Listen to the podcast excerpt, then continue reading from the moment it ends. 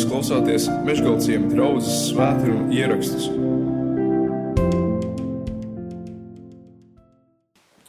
Labdien! Viens no tiem, viena no tām smukākām blakus parādībām tam, ka mēs esam varējuši šo vēja labo nedēļu pavadīt šeit Dienvidu kurzemē, ir, ka es esmu bijis baznīcās un dievnamos, kuras savu mūžu nesmu kājas pieris.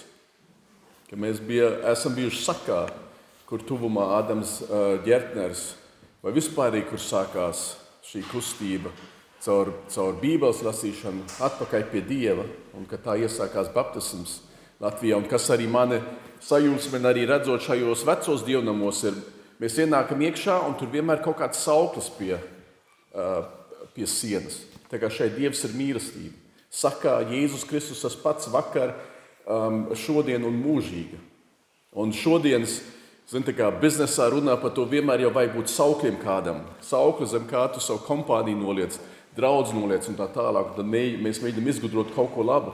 Un mūsu celmlauži to jau sen zināja, ka mums ir sauklis zem kā mēs sapulcējamies, ko mēs darām. Un tā arī šajā baznīcā Dievs ir mīlestība. To viņi jau toreiz no laiku galiem pasludināja, un nekas nav mainījies pie tā. To mēs arī gribam pasludināt šodien. Bet tā kā Dievs ir un tā kā Dievs nav mainījies, mēs cilvēki esam tādi savādāki. Es uzrāvos uz to, uz to terminu fiziskā sagatavotība.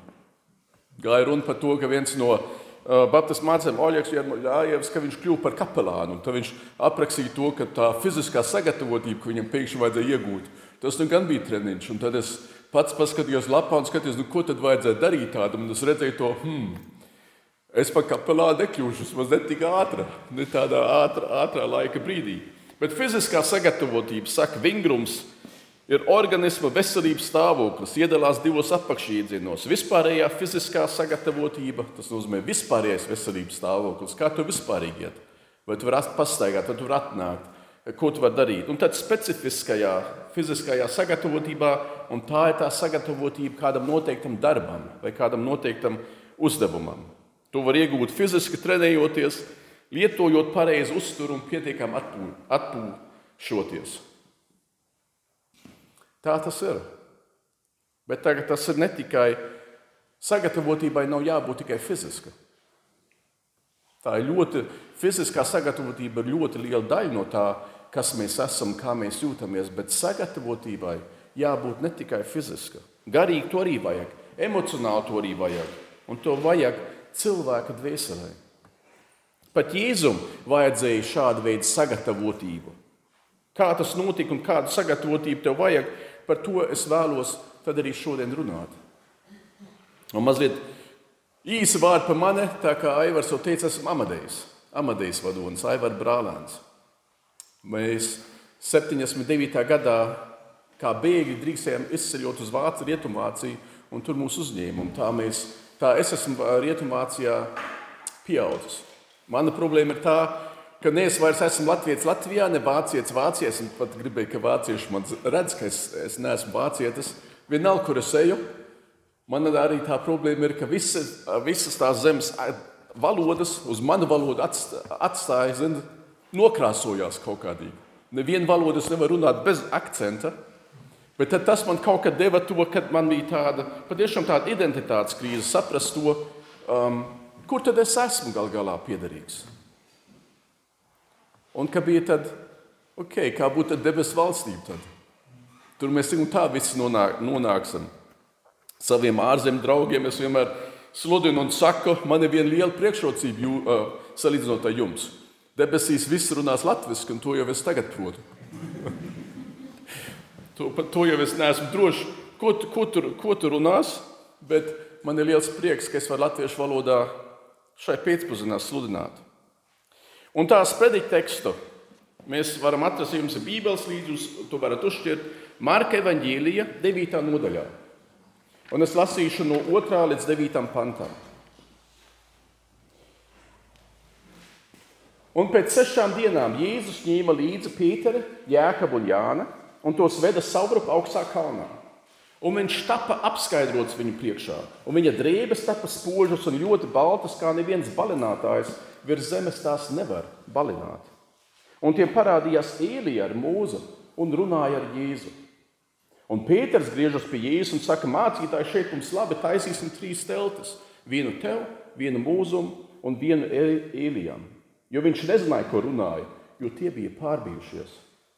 Un padebes nāca tos apēnodama, un balss nāca no padebes. Šis ir mans mīļais dēls. Klausiet viņam!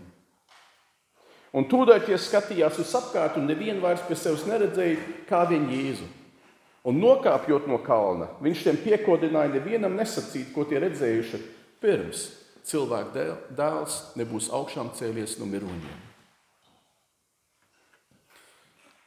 Kad jūs to klausījāties, es nezinu, vai jūs agrāk kaut kad esat jau to lasījuši, bet pirmais, pirmais loģiskais jautājums, kad šitos ir izlasīts, pirmais loģiskais jautājums ir dabīgi, par ko šeit vispār iet runa.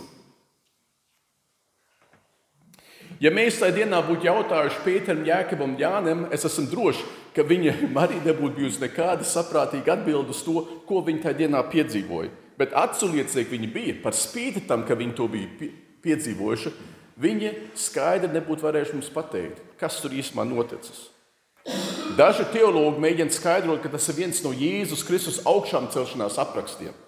Mākslinieciski ieguldīts aprakstā par Jēzus dzīvi, bet tās ir Tās ir muļķības. Tas nav pareizi, jo augšām celšanās aprakstiem ir raksturīgs pazīmes, ka šeit šī stāstā pilnīgi trūkst. Augšām celšanās stāstos ir runa par to, ka Jēzus vairs nav. Un tad viņš atkal parādās, tad viņš runā kaut ko. Un to, ko viņš stāsta, tas ir pilnīgi kaut kas savādāks nekā tas, ko viņš teica šī gadījumā. Šī tekstā trūks visas tās pazīmes. Un, ja tas būtu augšām celšanās stāsts, tad būtu grūti izprast, ko Mūzes un Elīja dara šeit. Tas nebūtu loģiski. Augšām celšanās notikumam neatbilst arī Pīters sacītājs. Un tā kā es jau teicu, ja šeit būtu runa par augšām celšanos, Jēzus Pīteram būtu teicis kaut ko pilnīgi savādāku. Dažs labs atkal uzsver domu, ka šis esot simbolisks apraksts, ka mēs tik un tā nevaram paļauties uz to, kas rakstīts Bībelē, un tas ir tikai kaut kas sastāstīts. Bet tam runā pretī tikai šajā vietā, Uz citiem argumentiem es negribu iet. Bet šī raksturvietā, kas runā tam pretī, ir Marks ir ļoti detalizēts. Viņš saka, pēc sešām dienām. Pēters atkal Jēzu uzrunā kā mācītāju. Tas ir no ebreju valodas tulkots rabī. Ja tas būtu izgudrots stāsts, ko, ko baznīca, draudzene rakstīja pēc augšām celšanās, lai dotu sev kaut kādu attaisnojumu par to, ka viņi tic, viņi jau būtu lietojuši citus, citus nosaukumus Jēzum. Agrie baznīcas tēvi nekad nesauc Jēzu par rabīju. To darīja mācekļi. Un arī Pētera priekšlikums kaut ko sākt būvēt, lai svinētu notikušo, tas būtu nevietā. Tātad vienīgais secinājums, to jau Šarloks Holms teica, lielais angļu detektīvs. Ja tu visu apskati un tu to, kas neatbilst patiesībai, vai kas nav pareizi, tu visu izstrīpu ārā. Tas, kas paliek pāri, pat ja tas izliekas kaut kādīga savāds, tam vajag būt patiesībai. Un ja mēs to visu izstrīpējam ārā, par ko ir skaidrs, ka tas nevar šeit tā būt, tad mums ir jāsacina to, ka Marka nolūks ir mums atstāstīt kaut ko, kas patiesi notika. Viņa nolūks ir atstāstīt mums vēsturisku notikumu, kas tieši tā tur notika. Bet tad kas tur tieši ir noticis? Marks kopā ar Lūku un Mateju lasām paralēli tekstu saka mums, ka kaut kā tur notika, kas bija ārkārtējs notikums. Tas pārsniedz ikdienišķo, to, ko mēs ikdienā piedzīvojam. Kalns vai kalna virsotne Bībelē ir parasta vieta, kur Dievs atklājas cilvēkiem. Uz Morijas kalna Dievs atturēja Ābrahāmu no īzāka upurēšanas. Sīnai kalnā Dievs deva mūzum savus baušļus, Horeba kalnā Dievs uzmundrināja Īliju. Mākslinieks vai padebes, mēs zinām no tiem laikiem, kad Izraels izgāja no Eģiptes zemes ārā, tas simbolizē Dieva klātbūtni. Jēzus mirdzoši baltās drānas atgādina mums, ka Dievs bija atrodams kā spilgte, gaišs ugunsstaps, kas gāja līdz Dieva tautai. Un Pēters, Jānis un Jānis, kā jebkurš ebrejs, tais dienās zināja tās pazīmes. tās viņam kaut ko teica, viņiem bija skaidrs, ka visas šīs pazīmes, ko viņi paši ar savām acīm redz, norāda uz dievišķu parādību, ka Dievs pats šeit ir atrodams. Un tad, lai vēl sīkāk saprastu, kas šeit notiek, tikai jāielūkojas Lūkas evanģīlijā, kas apraksta šo gadījumu, bet vienkārši no mazliet citas perspektīvas. Lūkā apraksta, ka Jēzus lūdza Dievu. Un tas ir 9. nodaļā. Un viņam lūdzot, viņa seja dabūja citu izskatu, un viņa drēbes kļuva spoži baltas. Tas nozīmē Jēzus sadraudzība ar savu tēvu. Tā izmainīja viņa paša izskatu. Kā tas jau bija arī noticis mūzum vecajā derībā, kad viņš nāca lejā no Sīnē kalna, tad tā tauta teica, tu spītā, mēs uz tevi nevaram skatīties. Un viņš atklāja savu galvu, savu seju ar drānu. Lūka vēl uzsver, ka trīs mācekļi bija iemiguši un ir no miega uztrūkušies, un tad pārbeigušies. Viņa pārsteigts sekoja līdzi Jēzus apskaidrošanai, ko viņam toreiz nebija iespējams izskaidrot.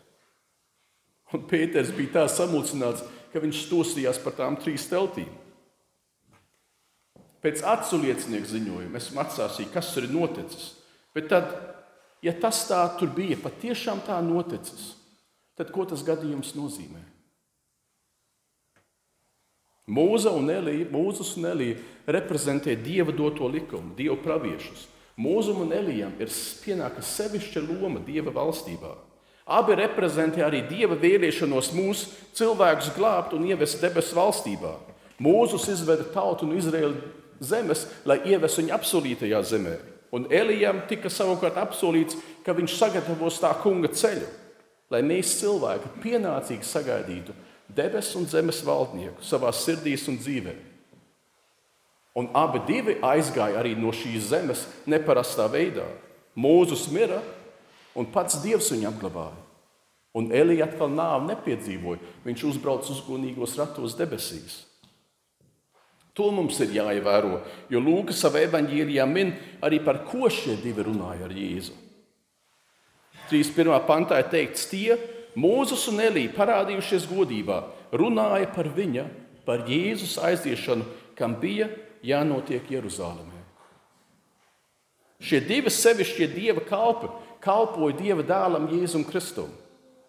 Pirms tas spēra savus smagos soļus Ģedzemans dārzā un Golgātas kalnā, pirms viņš tika nodots krustā sests, pirms viņš augšām cēlās no mirušajiem un debes braukšanas dienā devās prom no šīs pasaules. Tas nozīmē, Dievs sūta mūzu un Eliju, lai tie palīdzētu Jēzum sagatavoties uz to, kas uz viņu gaida. Un Pīters mani, ka kaut kā sevišķi notiek, kaut kā varena notiek šai kalnu virsotnē, un viņš izsaucās, apļauj man celt šeit trīs teltis. Būtībā viņš atzīst to, ka ar to dieva tuvību, dieva esamība ir tik skaidri manāma, tur taustāma, ka viņš saka, šeit es gribu palikt uz visiem laikiem. Un es esmu drošs, ka jums ir bijuši tādi brīži jūsu dzīvēm. Piemēram, kad nolika abitūrī, abitūrijas svinībā, zini, likās tā, oh, zini, mēs visi esam bijuši gadiem ilgi kopā, un drīz mēs izklīdīsim pa visu pasauli. Gribās kaut ko darīt, lai skolas pagalmā uzcelt teldes, lai mēs paliktu kopā. Ja arī šai, šai nedēļā, vienmēr, tā kā arī mežgalciem draudzē, parasti mēs nobeidzām šo nedēļu, tad liekas, tā, tās nedēļas labo vietas beigās, liekas, tā ir tik smuka, būvējam teltis, un paliekam, paliekam kopā, lai šis brīdis nekad neaiziet. Tā iet Pēterim. Viņš nesaprot, ko viņš saka. Viņš ir pārbaudījis, bet šo brīdi iemūžināt, to viņš gan grib. Un kā atbild viņam, tad mākslinieks apņēma viņus pilnīgi un balss atskanīja no šī padebeša. Šis ir mans mīļotais dēls. Klausiet viņam. Šo balsu mācekļi bija jau agrāk dzirdējuši, kad Jānis Kristītājs bija kristījis īsi, tad Dievs Tēvs uzrunāja klātesošos un sludināja visai pasaulē, ka viņš mīl savu dēlu, Jēzu Kristu. Un šis šeit Dievs pat uzsver, ko mums cilvēkiem būs darīt. Šeit Dievs pat saka to, šis ir mans mīļais dēls, klausiet viņu, paklausiet viņam. Un tad, it kā ar nazu nogriezts, viss tas ir garām. un Jēzus tikai paliek kopā ar mācekļiem. Un šis notikums ir tik savdabīgs, ka pastāv briesmas, ka mēs noņemsimies par daudz ar to, kā tur notika, kā viss notika kalnu virsotē, un mēs pazaudēsim no savām acīm Marka nolūku, kādēļ viņš to vispārīgi tā minēja, kā, kad viņš rakstīja to evaņģēlīju. Jo Jēzus saviem mācekļiem stingri piekodināja nevienam nestāstīt, ko redzējuši, kamēr cilvēka dēls nebūs augšām cēlies no mirušajiem. Un kas lasīs Marka evanģēliju no paša sākuma, tas atcerēsies, ka Jēzus atkārtot piekodināja saviem mācekļiem: nestāstiet par mani tālāk. Tam ir sakars ar to, ka Jēzus ir pasaules glābējs, bet ebreji toreiz sagaidīja vienu, kas nāks un sakaus romiešus. Un tad uzkāps Jeruzalemē tronī un valdīs kā karalis. Un Jēzus saka, jums ir jāsaprot, es esmu pasaules glābējs. Es esmu tas, ko jūs gadsimtiem ilgi esat gaidījuši, bet ne tas, ko jūs sagaidat. Ir kaut kas apslēpts jums pašlaik, un tādēļ Jēzus viņu, viņus vienmēr brīdināja, nestāstiet to pašlaik tālāk. Un šis ir pirmais atgadījums, kad Jēzus saka, tad, kad es būšu augšām cēlies no mirušiem, tad gan tagad stāstiet visiem. Tas nozīmē, Jēzus skaidri zina, ka tikai viņa augšām celšanās gaismā mācekļi sapratīs, par ko šeit vispār gāja runa, kas, šeit vispār notika. Un tā Marks raksta tālāk, 10. līdz 13. pantā, un tie Pīters, Jēkabs un Jānis.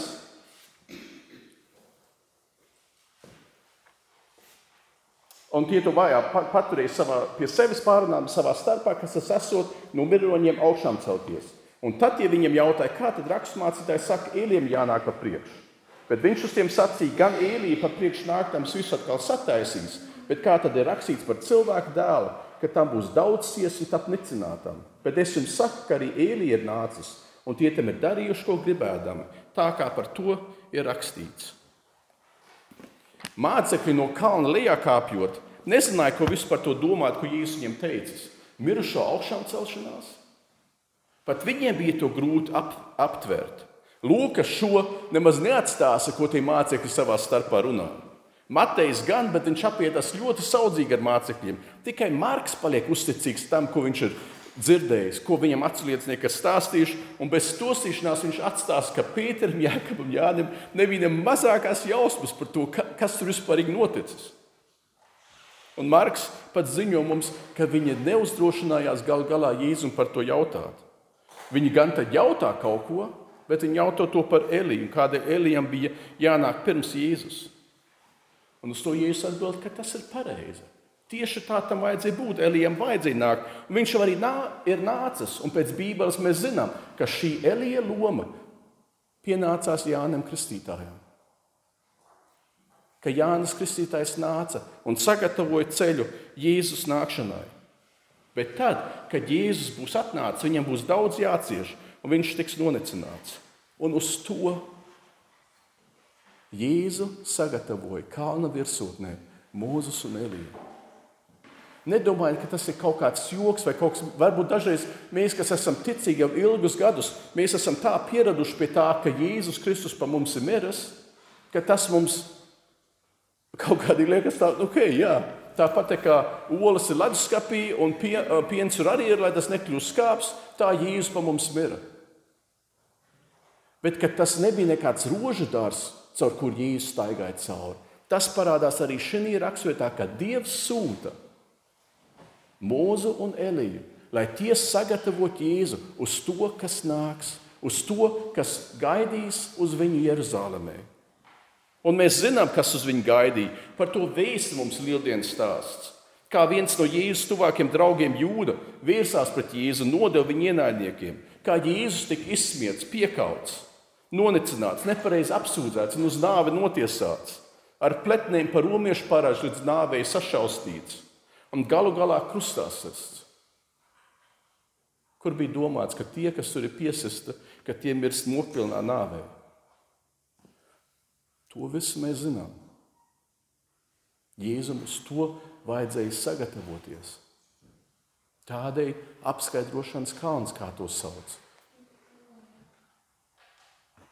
Bet tagad es tev vēlos jautāt, vai tu zini, kādēļ Jēzum vajadzēja mirt? Ko tu atbildētu?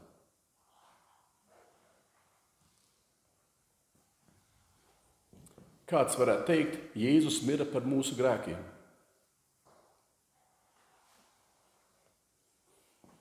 Labi, bet to es nejautāju. Es jautāju, kādēļ viņam vajadzēja mirt?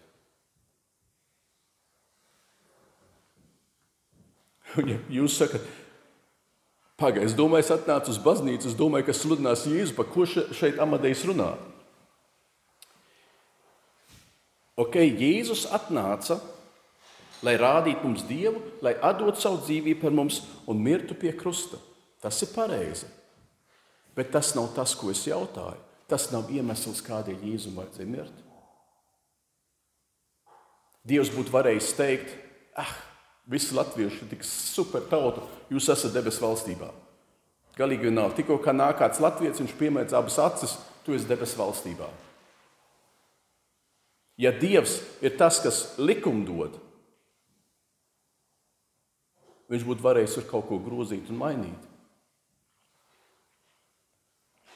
Kādēļ Jēzum vajadzēja mirt? Tas ir saistīts ar Dieva īpašībām. Tas ir saistīts ar to, kāds Dievs ir. Redzi, Dievs ir taisnīgs. Tam mēs piekrītam. Dievs ir tiesnesis. Mūsu mūža galā viņš mūs tiesās. Viņš ir taisnīgs. Un viņš nav tāds, un tas ir labi, ka viņš nav tāds, kas atnāk kāds baigais boncis ar, ar baigo naudas maku, un Dievs saka, nu labi, par trīs miljoniem tu drīkst nākt iekšā. Atnāk kāds ar zilām acīm, blondiem matiem, Dievs saka, oh, tie man patīk, nāc iekšā. Ir labi, ka Dievs nav korupts. Ir labi, ka Dievu neviens nevar tā piemaksāt kaut ko, ka viņš saka, oh, ok, man interesē taisnība, nāca iekšā. Ir labi, ka Dievs soda jebkuru sodu.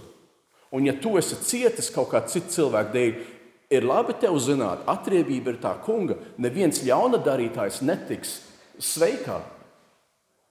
Dievs sodīs jebkuru pārkāpumu, kas ir, un tas ir labi, ka viņš to dara. Ir labi, ka Dievs ir taisns, jo es negribētu tādā pasaulē dzīvot, kur Dievs ir korupts. Kur tie, kas izskatās skaisti, vai tie, kuriem ir zilas acis, vai tie, kuriem ir pietiekama nauda, tie tiek sveikā cauri. Es negribu tādu dievu. Tāds dievs ir netaisnīgs, vai būtu netaisnīgs, bet dievs ir taisnīgs. bet viņš ir arī žēlsirdīgs. Ja jūs esat gājuši skolā, un es pieņemu, jūs visi esat gājuši skolā, tu noteikti pazīsti skolotājus, kas bija taisna vai stingra, un skolotājus, kas bija žēlsirdīgi. Žēlsirdīgais skolotājs, tev nav mājas darbs, žēlsirdīgais skolotājs saka, ok, nākamā nedēļa atnes. Un tu fiu, laimējās. Bet tas skolotājs tajā brīdī, kad viņš atļaut tev to darīt, viņš nebija taisnīgs. Ja viņš būtu bijis taisnīgs, tad to slikto atzīmi, ko tu labi nopelnīji, viņam to vajadzēja dot. Saprotiet, žēlsirdīgs skolotājs nav taisnīgs, un taisnīgs skolotājs nav žēlsirdīgs. Taisnība un žēlsirdība ir divas īpašības, kas neiet roku rokā. Vai nu tas viens, jeb tas otrs. Bet Dievs ir taisns un žēlsirdīgs. Ja Dievs mums atmaksās pēc mūsu darbiem, un Viņš ir taisns, tad tu tiksi sodīts. Tas ir tikpat droši kā āmen šajā baznīcā. Dievs ir tik svēts, ka viņš necieš ne mazāko grēku savā klātbūtnē. Ne tādēļ, ka viņš negribētu, bet tādēļ, ka pēc savas būtības viņš vienkārši nevar. Vienreiz es melojas, es nevaru nākt Dieva klātbūtnē, jo Dievs ir svēts. Vecā derībā pat pilnīgi skaidrs Dievs saka, ja tu cilvēku mani redzētu, vaigu vaigā, tad tev vajadzētu mirt. Un mūzus gan viņi redz. Bet Dievs viņu paslēpinā klints, spraugā aiziet garām, aizsargā viņa acis, un tad mūzus drīkst viņu redzēt no aizmugures. Dievs ir tik svēts, ka mēs to nevaram, nevaram iedomāties. Un Dievs ir taisnīgs, viņam jāsūdz jebkuru pārkāpēju. Tātad, kā taisnajam Dievam, kas soda grēku, ir iespējams būt žēlsirdīgam un izglābt mani no tā grēku soda? Kādam no maniem draugiem notika sekojošais. Pirms daudziem gadiem viņš Šveicē bija mācītājs. Un viņa draugs bija arī kāds policists. Un reiz mans draugs nopērkoja savu auto tur, kur nedrīkstēja. Pie auto atgriezies, viņš redzēja aiz loktīrītāja protokolu par savu pārkāpumu. Viņš paņem to un redz, draugus, draugus locekļu parakstus. Parakstus. Tā tas policists to ir izdarījis. Un tas, ko mans, ko mans draugs Bejāts izdarīja, es nekad to nebūtu uzdrošinājis. Es būtu kaunījies, samaksājis to daiktu un laidies, laidies lapās un cerējis, ka nākamā svētdienā viņš nebūtu nācis uz baznīcu. Vai kaut kādīgs laiks paiet. Viņš patiešām aizgāja pie sava drauga locekļa, pie tā policijas un sūdzējās. Viņš teica, um, Šveicē uh, satiksmes pārkāpumi parasti ir dārgi. Viņš teica, tu taču zini, ka mana alga ir maza. Kā tu man vari iedot protokolu par šo nepareizo parkošanu? Un mans draugs vēl teica, vai tu nevari paņemt šo protokolu un vienkārši saplēst viņu driskās.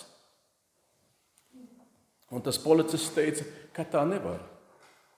Nopelnīto sodu nevar atcelt, ja protokols par pārkāpumu ir izrakstīts. Tā tas vienkārši ir. Bet tad, ko šis policists izdarīja, tas pārsteidz manu draugu.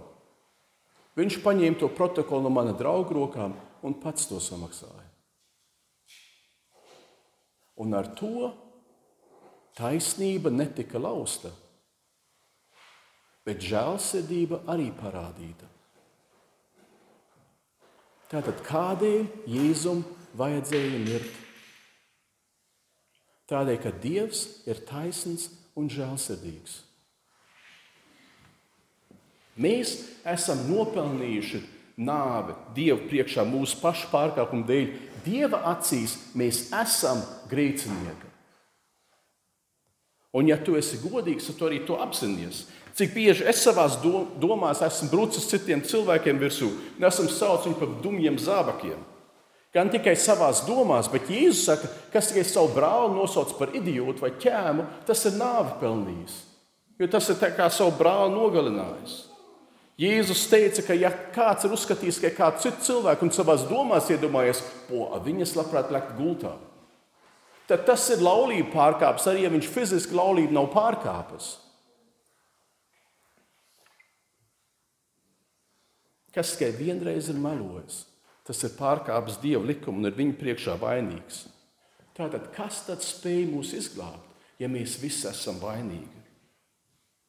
Jo neviens no mums cilvēkiem taču nav bez vainas. Kādēļ Jēzum vajadzēja mirt? Jo Dievs nav ne tikai taisns, bet arī žēlsirdīgs. Ja Viņš pats izņemtu mūsu pārkāpumu protokolu no mūsu rokām, un to samaksātu. Tad viņa taisnība netiek lausta. Bet žēlsirdība mums arī ir parādīta. Jēzum vajadzēja mirt, jo, Jēzus, jo Dievs ir gan taisns, gan arī žēlsirdīgs. Bībelē teikts, ka Dievs tevi tik ļoti mīl, ka Viņš deva savu vienpiedzimušo dēlu, lai tad, kad tu tici viņam, tu nepazustu, bet tu iegūtu mūžīgo dzīvību debesu valstībā. Jo Dievs sūtīja savu dēlu pasaulē nevis lai tas pasauli tiesātu. Tas nav Dieva mērķis. Tiesāt mēs jau esam. Bet Jēzus nāca pasaulē nevis lai mūs tiesātu, bet lai mūs glābtu. Jo kas tic viņam, tas netiek tiesāts, bet kas netic, tas jau ir notiesāts. Jo tas nav ticējis Dieva vienpiedzimušā dēla vārdam. Tādēļ Jēzus mira. Jo Dievs ir taisns un žēlsirdīgs. Dieva taisnība tiek uzturēta un godā celt, bet viņa žēlsirdība mums arī tiek parādīta ar to, ka Jēzus mūsu labā samaksājas to sodu, kas mums pienākas. Un debesu valstībā mēs esam ne mūsu pašu nopelnēji, jo mums ir nav dieva acīs, bet debesīs mēs esam Dieva dēla nopelnu dēļ. Kad Mārtiņš, Mārtiņš Luters par to stāstīja, ka Vēlns dažreiz ņem rūku viņam virsū un saka, pasies, tu visu tavu pārkāpumu, pasies, cik tu esi ļauns, pasies, ko tu esi darījis. Tu esi nāvi un elli pelnījis. Un Mārtiņa Lutera atbilde ir, ir klasiska. Man tā patīk, jo tā rāda viņa, viņa dievbijību, viņa ticību. Viņš saka to, un tad es atbildu vēlnam, un es saku, jā, tev ir pilnīgi pareizi. Es esmu nāvu un elli pelnījis. Un kas par to? Jo es pazīstu kādu, kas savu dzīvību deva par mani, kas samaksāja par maniem pārkāpumiem, un viņa dēļ es esmu pestīts un glābts. Un viņa vārds ir Jēzus Kristus, viņš ir Dieva dēls, un tur, kur viņš ir tagad, es būšu nākotnē. Tā ir tā pareizā atbilde. Dieva žēlstības dēļ viņš sūtīja Jēzu Kristu, kas mūs ir izglābis, un tikai viņa dēļ mēs esam debesu valstībā.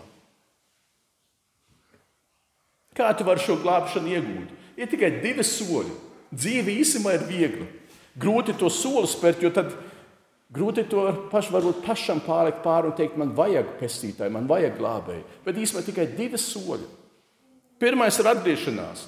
Pirmā Jāņa vēstulē, pirmā nodaļā, 9. pantā ir teikts, ja atzīstamies savos grēkos, tad Dievs ir uzticams un taisnīgs, ka Viņš piedod mums mūsu grēkus un šķīstī mūs no visas netaisnības. Tā ir grēku piedošana.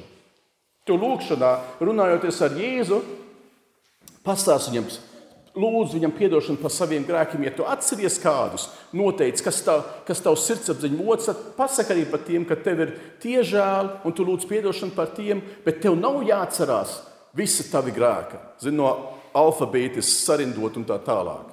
Pietiek, ja tu saki, Jēzu Kristu, piedod man lūdzu manus grēkus. Un tādēļ, ka viņš ir uzticams un taisnīgs, tādēļ, ka uz viņu tu vari paļauties, viņš tev tos piedos un šķīstīs tevi no visas netaisnības. Un tad, un tad ir galīgi vienalga, ja, ja tu to esi, ja tu to esi lūdzis. Un šitie visi būtu ne tikai pieci, bet ja šitie visi būtu tavas dzīves grēki, Tā ir brīdī, kad tu lūdz Jēzu Kristu, lūdzu, piedod man manus grēkus. Cik grēki ir vēl tavā rokā?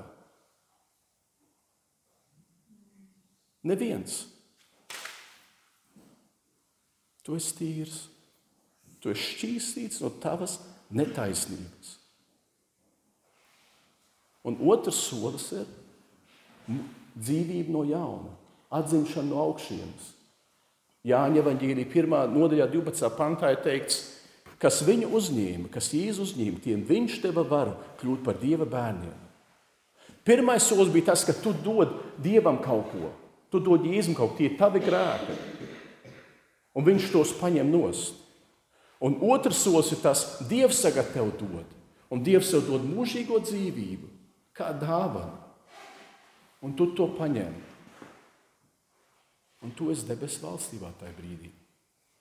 Īstenībā tas ir viegli. Bet grūti izdarīt, ja tu cīnies pats ar sevi.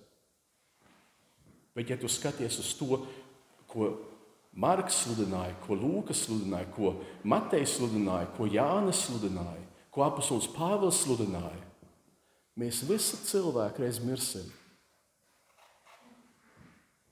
Un nāvei ir divas izējas. Viena ved uz debesīm, un otra ved uz elli. Un tikai Jēzus Kristus ir tās durvis, kā viņš saka. Tikai viņš ir tas ceļš uz debesīm. Un tādēļ cilvēki tev ir jāizšķirās par Jēzu. Tas ir tas, ko Jēzus sauc Bībelē, ka viņš saka, viņa pirmais predikts - atgriezieties no grēkiem. Jānis Kristēns teica, atgriezieties no grēkiem. Bet tev ir tā iespēja arī šodien. Ja tu to nekad savā mūžā neesi darījis, tad tu to vari darīt tagad, tu to vari darīt ceļā uz mājām. Tu vari atnākt pēc tam, tā kā Aivars jau teica, atnāc pie manis, at, atnāc pie Aivara. Tu vari kopā ar mums lūgt. Mēs varam palīdzēt, ja vairāk kaut ko saprast. Jo tu, tā jau nav nekāda mistika šeit, ko mēs sludinām. Bet kaut ko, kas ir vēsturiski noticis, kas ir patiesa, ko kristieši caur gadsimtiem apliecina, ka jā, Jēzum Kristum ir vara piedot mums mūsu grēkus. Viņš mūs šķīsina no visas netaisnības, un brīvība, un prieks un laime būs tāda, ko tu varbūt pirms tam pazinis. Un, ja tu esi jau ilgi sekojis Jēzum Kristum, un tu esi at, patiešām atļāvis, ka tava ticība ir noputējusi, ka tur ir kaut kas sakrājies, un tev ir kauns, varbūt bijis Jēzum lūk piedošana. Šis, ja mēs atzīstamies Jēzum savos grēkos, tas nav svarīgi tikai tavā atgriešanās dienā, bet jebkurā tavā dzīves dienā. Jo tad, kad tas atkal notiek, kaut kas ļauns manā dzīvē, mēs to dzīvojam šai, šajā pasaulē kur mēs cīnāmies. Arī tad pēc tam tu nāc pie Jēzus, lūdzu viņam atdošanu, ka viņš atkal tīri no tā un to prieku var turpināt savu dzīvi. Dieva klātbūtnē, savā ceļā uz, uz debesīm. Ja tev tas tā ir, tad lūdzu arī. Un tādēļ tas dažreiz tas kauns, ka mēs kaunamies Jēzu un pateikt to, ko mēs esam darījuši. Dažreiz man liekas, es pilnīgi to saprotu. No otras puses, halo, viņš ir Dievs, visu zinātājs. Viņš to jau zina. Tas ir nepareizs kauns, kas tev attur no tā, iet pie Jēzus, lūgt viņam atdošanu. Viņš taču to jau zina. Bet viņš gaida uz tevi. Viņš gaida uz to, ka tu spērs tos soļus pie viņa, un tu lūgsi, un tu to darīsi. Tad viņš ar lielu prieku, tā kā Bībelē teikts, kur ir tāds Dievs, kas mīl būt žēlsirdīgs? Kur ir tāds Dievs, kas mīl piedot grēkus? Ir tikai viens Un tas ir tas, kas pats pie krusta karājās, lai caur savām ciešanām mums iegūtu mūžīgo dzīvību. Āmen!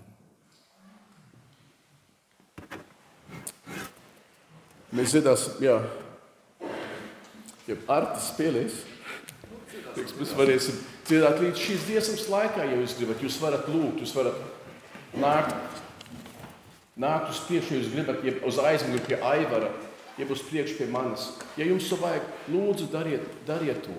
Neatliec, neatlieciet to, ja Dievs patiešām uz tevi runājas, bet tā ir tava brīvprātīgā izšķiršanās. Mēs, to, mēs varbūt varētu tevi uz to spiest, bet ja mēs uz tevi uz to spiestu, tad tā izšķiršana nebūtu nekāda vērtība. Tu izšķiri.